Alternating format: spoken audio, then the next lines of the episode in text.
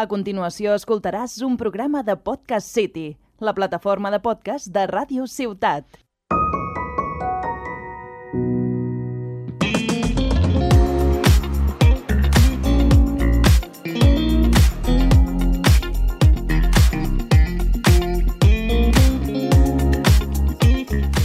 Benvinguts i benvingudes al nou episodi de Viatges Sonors, el podcast de Ràdio Ciutat de Tarragona, on utilitzem els gèneres musicals com a excusa per escoltar música de tot tipus, que ens sona diferent i que ens sembla interessant analitzar.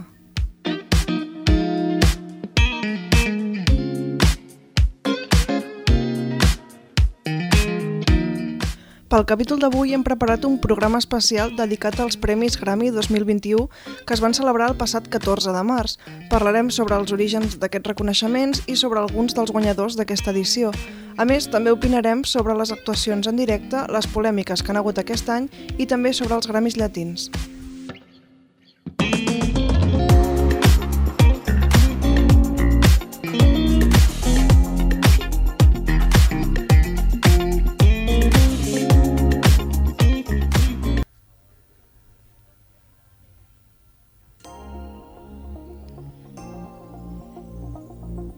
Els Premis Grammy són una distinció que atorga l'Acadèmia Nacional d'Arts i Ciències de la Gravació dels Estats Units i que pretén donar una, un major reconeixement als i les artistes dins la indústria musical.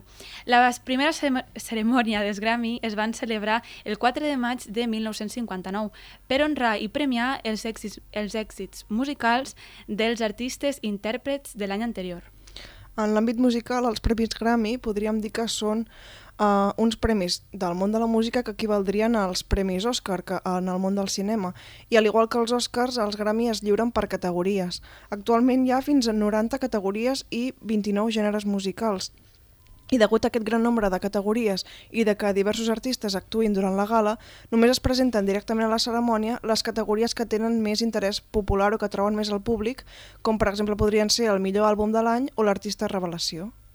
Degut a la creixent importància del mercat i la producció musical als països llatins, l'any 2000 es van crear el lliurament dels Premis Grammy llatins i sobre aquesta variant us parlarem més endavant al, en aquest capítol. Ara comentem una mica com va anar aquesta 63a cerimònia dels Premis Grammy del 2021, celebrada el passat 14 de març, després de ser ajornada des del 31 de gener degut a la pandèmia. Farem un breu resum dels premis amb més ressò que comenta la Roser i també direm un premi de cada gènere musical eh, general que rep reconeixement en aquest certamen, fent un petit homenatge a la varietat de gèneres musicals que intentem tractar des d'aquest podcast Viatges Sonors. A continuació veurem qui va endur-se els premis més totxos dels Grammy, que són els quatre on tots els gèneres musicals competeixen de forma conjunta. Tot i que, com hem mencionat, hi ha moltes categories, ens centrarem en fer-ho breu i variat. Així que categories com la millor cançó i actuació de música catòlica contemporània, que per si algú té curiositat, la va guanyar la cançó There Was Jesus de Zach Williams i Dolly Parton, o el millor àlbum de la mateixa categoria que se l'endú Kanye West amb Jesus is King, no, jo tampoc entenc res, les deixarem per a aquells que siguin més curiosos i vulguin esbrinar-ho per ells mateixos. Endavant amb el programa. I tried to scream But my head was underwater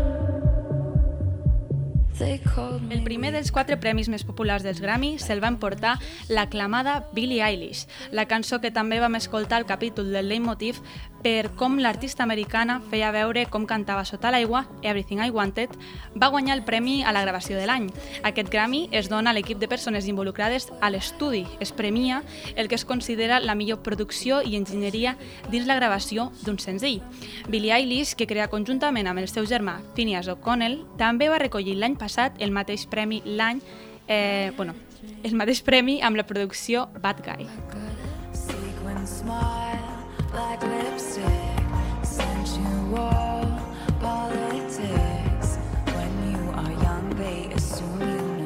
El que escoltem ara és la interpretació de Cardigan de Taylor Swift a la gala, que es van portar al Grammy a l'àlbum de l'any amb el seu disc Folklore.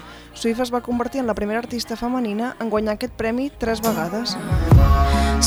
Starting a war, screaming peace at the same time. All the corruption and justice, the same crimes. Always a problem if we do or don't fight and we die. We don't have the same. La cançó I Can Breathe de Hair es va endur el premi a la cançó de l'any. Aquest tema fa referència a les últimes paraules que va dir l'afroamericà George Floyd abans de morir, després de ser sotmès per un policia que el va retenir amb el genoll sobre el coll l'any passat.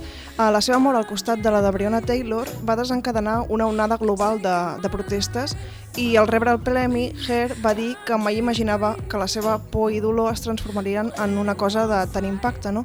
I la cantant va, va manifestar al recollir el premi que per això escrivia música.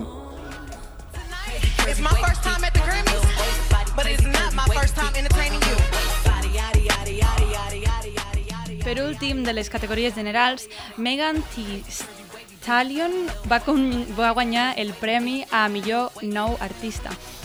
Escoltem la seva actuació durant la gala de la cançó Body.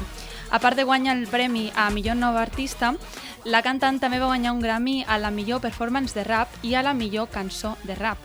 I no segueixo massa TikTok, però en escoltar la cançó he dit, vale, això té potencial per reptes de, de ballar i efectivament el Body Dance Challenge hi ha recopilacions de balls en aquesta cançó, vamos, para hacer mm, vamos, una heavy. Em pregunto si quan tornéssim a les discoteques també farem este tipus de passos de ball, espero que no. Bueno, i ara passem a les, bueno, als premis a millor àlbum per eh, diferents gèneres.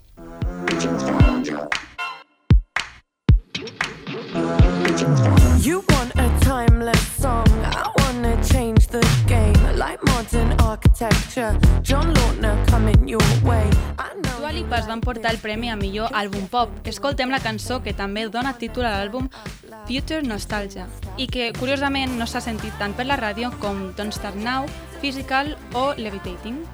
A una entrevista per Apple Music va dir sobre el seu segon disc, aquest que comentem, que és bastant diferent al primer, que continua sent un disc pop, perquè li encanta el pop, és el que fa, però que és amb una sensació més nostàlgica, que tot l'àlbum tot l'àlbum té una influència disco. I made the fade famous, the chain famous. QB on my chest, master stainless. Amazing grace, I'm gracefully aging. Without masonry, I made more Pel que fa al rap, Nas va guanyar el premi a millor àlbum de rap amb el seu últim treball que es titula King's Disease. El que escoltem ara és la cançó que porta el mateix nom que aquest disc i cal mencionar que, tot i la seva llarga trajectòria com a raper, encara no havia guanyat mai un Grammy, o sigui que aquest és el seu primer cop. In the end, in the end, all I wanna do is just fall in. I don't wanna think about nothing. El premi a millor àlbum de R&B eh, se'l va endur John Legend amb Bigger Love, un artista que reconeixem pels seus temes carregats de romanticisme i que ha guanyat amb un àlbum que es titula com la cançó que escoltem, Bigger Love i que segons ell ha explicat en una entrevista, els artistes durant aquesta pandèmia han tractat d'ajudar a la gent a superar aquells moments difícils, propagant, escampant l'amor, no? com explica en aquesta cançó. A la sèrie televisiva Entertainment Tonight Canadà afegia que especialment als Estats Units havien vist venir una crisi rere l'altra i que la gent estava preocupada i estressada i necessitaven una mica música de pick me up, és a dir, de, que els estimulés i els animés a continuar. They've been saying you're sophisticated. They're. Pel que fa al rock, destaquem el premi a millor àlbum que va guanyar el grup de Nova York The Strokes pel seu treball The New Abnormal. La cançó que escoltem és del disc i es diu The Adults Are Talking. I al igual que amb Nas, eh, aquest grup també és el primer cop que ha guanyat un, un Grammy. Al moment de l'entrega del premi va ser un dels més graciosos de la nit, ja que quan els hi van dir que havien guanyat estaven esperant a sentir-ho i just van perdre la connexió. I per tant estaven allà esperant i no es van enterar fins uns moments més tard. I was just so furious, but I couldn't show you, cause I know you, and I know what you can do, and I don't want to war with you, I won't afford it, you get sore even when you win. Fiona Apple es va endur el Grammy al millor àlbum de música alternativa. Aquesta artista estatunidenca, poc coneguda fins ara, explicava al programa televisiu Democracy Now! Que no esperava que el seu àlbum Pets the Bolt Cutters es tornés tan famós i que, en certa manera, li era una mica incòmode tant de reconeixement i que ella només volia publicar un disc en un moment on sentia que tindria l'ocasió de ser escoltat i que estava molt, molt contenta perquè, segons ella, semblava que estava ajudant a dir a la gent que es sentís lliure. Yeah,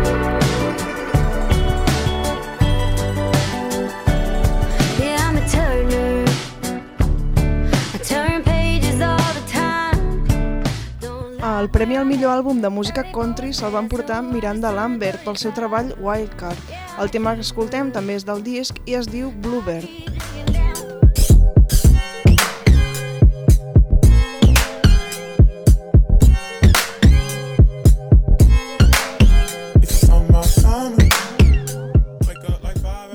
És el segon àlbum d'estudi del productor canadenc Kate Tranada i amb ell s'ha endut el Grammy a millor àlbum de música dance o electrònica. Escoltem la col·laboració que va fer amb Mick Jenkins i que es titula Grey Area.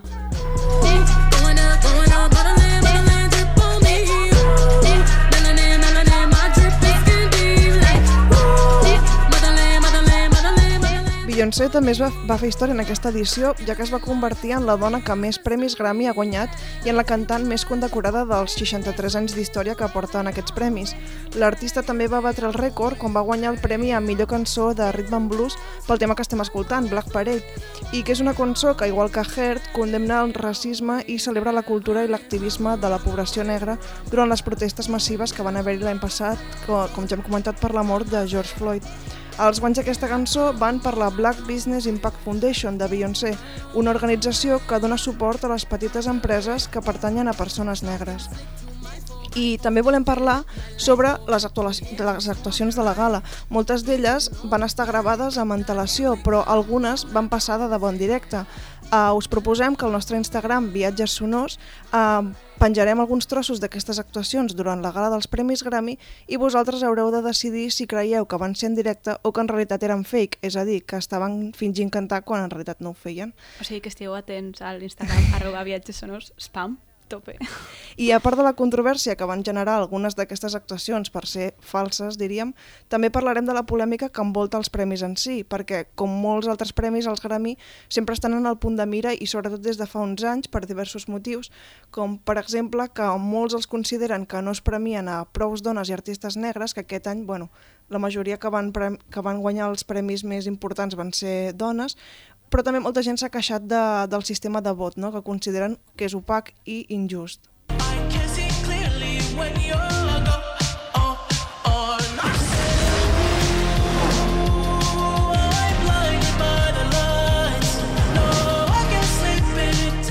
El drama va començar abans que s'emitissin els premis, quan al novembre van sortir les nominacions de l'Acadèmia i alguns artistes es van molestar per no haver estat nominats. Uh, el primer i el que va crear més revolt va ser el cantant canadenc The Weeknd, um, ja que la seva cançó Blinding Lights, que estàvem escoltant ara mateix, va ser èxit número 1 en moltes llistes durant tot un any sencer, batint molts rècords, però no va rebre cap nominació per aquests premis. L'artista va dir en un tuit que els Grammys seguien sent corruptes. L'Acadèmia li va respondre que les nominacions es feien a través de votacions, però The Weeknd, no estant satisfet, va dir que a partir d'ara boicotejaria els premis i no permetria que el seu segell enviés la seva música als Grammy. Per altra banda, que ratllat, vull dir, això té molt de temps lliure, boicotear. I un altre ratllat és Justin Bieber, ja que es va molestar perquè estava nominat, però, segons ell, a la categoria errònia. El seu àlbum Changes va estar nominat com a millor àlbum pop i ell va dir textualment que l'àlbum era, sense cap dubte, un disc rhythm and blues. A més, el canadenc també es va molestar en part perquè l'acadèmia no el va deixar fer una actuació durant la gala. Però ells no van ser els únics. La rapera Nicki Minaj, el grup de Killers o la cantant Halsey el raper Travis Scott també es van pronunciar criticant durament aquests premis.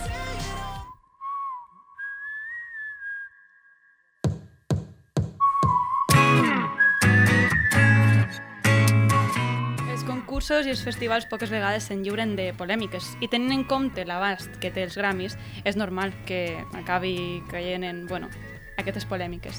Aquest any, els Grammys, en una versió virtual, ens hem trobat amb discursos que sentien distorsionats i inclús no s'entenien, auriculars apagats i que feien que alguns guanyadors no poguessin tan sols eh, dir el seu discurs. No? Eh, va ser el cas de Jim West en saber que havia guanyat el Grammy a millor àlbum de New Age amb molt Guitar Hero Stories. Eh, però més enllà d'aquests aquest, tipus de problemes tècnics no han faltat les crítiques, com per exemple eh, que es qüestionés perquè la banda surcoreana BTS, que estem escoltant ara, no va ser premiada tot i haver arribat a acumular més de 950 milions de visualitzacions amb la seva cançó Dynamite. Ara, però, estàvem escoltant la cançó DNA de la mateixa banda, BTS. Parlem a continuació dels Grammy Llatins. Aquests premis van néixer en un, una mena de moviment creat pels artistes de reggaeton o de música llatina perquè volien tenir els seus propis premis. Segons Alvinch, un youtuber que parla de música i acumula més d'un milió de subscriptors, això és degut al següent. La moneda de los Grammys se llama prestigio. ¿Y de qué sirve este prestigio? Pues para presumir algo que no tiene ningún valor a menos de que le des valor a cosas muy estúpidas, sobre todo si sabes que los Grammys son simplemente una versión muy primitiva del algoritmo de Spotify. Bueno, això és una opinió prou controvertida i extrema, però al final, tenint en compte els casos que hem comentat com Blinding Lights o Dynamite, que tenen moltes reproduccions, doncs qüestionaríem això que deia de, de de Spotify o que més visualitzacions significa que tinguis que guanyar un Grammy. Llavors ens preguntem això, fins quin pur, punt el que diu és cert. Eh, els primers Grammy llatins es van fer l'any 2000 i van ser retransmesos per la cadena de televisió CBS. Va ser el primer programa de televisió en espanyol retransmès a una cadena estatunidenca en un horari de màxima audiència.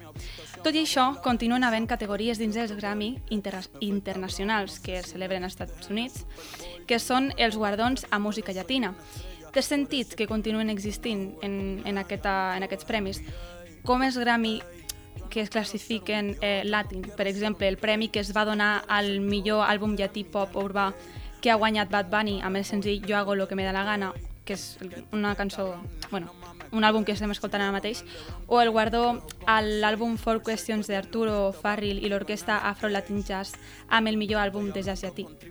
Per veure una mica millor el panorama, extraiem una cita d'una publicació feta per Alban Celis i Enrique Esteban a la Universitat Peruana de Ciències Aplicades que diu així A partir de la creación del término Latin Pop, la música ha cambiado, ya que inclusive se premian con Grammys la música latina.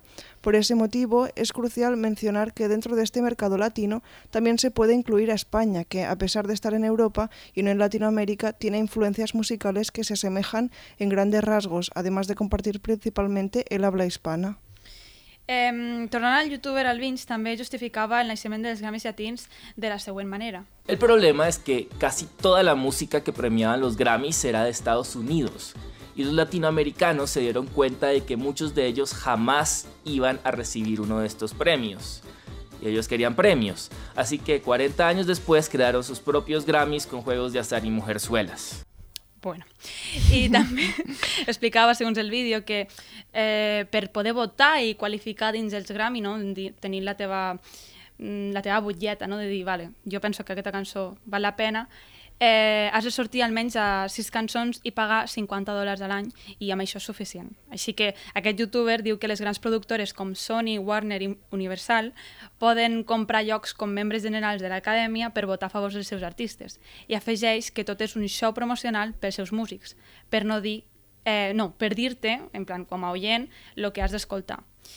I una presentadora del programa Bla Bla Show TV eh, afegeix el següent. O sea, al final todos los artistas, Shakira, Carlos Vives, todos han tenido que incluir canciones urbanas en sus últimos discos. Entonces ahí es donde pues digo, sí, pues grandes artistas sí que lo son, pero le tuvieron que entrar al género. com de dir, que al final s'havien d'adaptar una mica a, a bueno, estils que venen més per poder... Per poder accedir. Sí, sí, sí. eh, L'artista Natalia Furcade, la Furcade, que en aquests últims Grammy va endur-se el premi a millor àlbum mexicano o texano, és que la traducció era aquesta, no sé, mexicano, opina el següent. Tejano. Es muy importante que haya espacio para todo, ¿no? Eh, vaya, no tengo nada en contra del reggaetón, en particular en lo personal. Eh, sin embargo, sí siento que, bueno, es la, es la lucha por mantener un equilibrio, ¿no? Hay muchos géneros musicales, hay muchas nuevas propuestas. Jo sí que tinc algun contra el reggaeton. Jo no, a mi m'agrada, jo el ballo.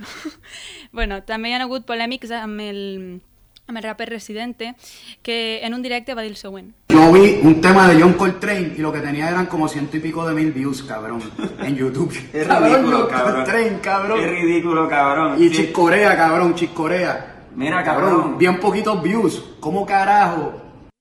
Però també als Latin Grammy 2020, quan va guanyar millor cançó de l'any, va dir que l'important no eren els números. Eh, no es tracta tampoc d'assenyalar ni criminalitzar el que va dir, però una mica mostrar aquesta contraposició d'opinions, no? inclús una mateixa persona, de, bueno, del que fan aquest tipus de festivals.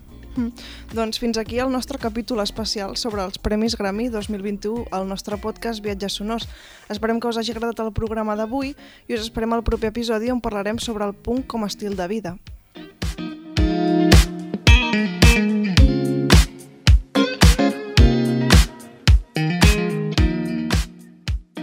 Has escoltat un programa de Podcast City, la plataforma de podcast de Ràdio Ciutat.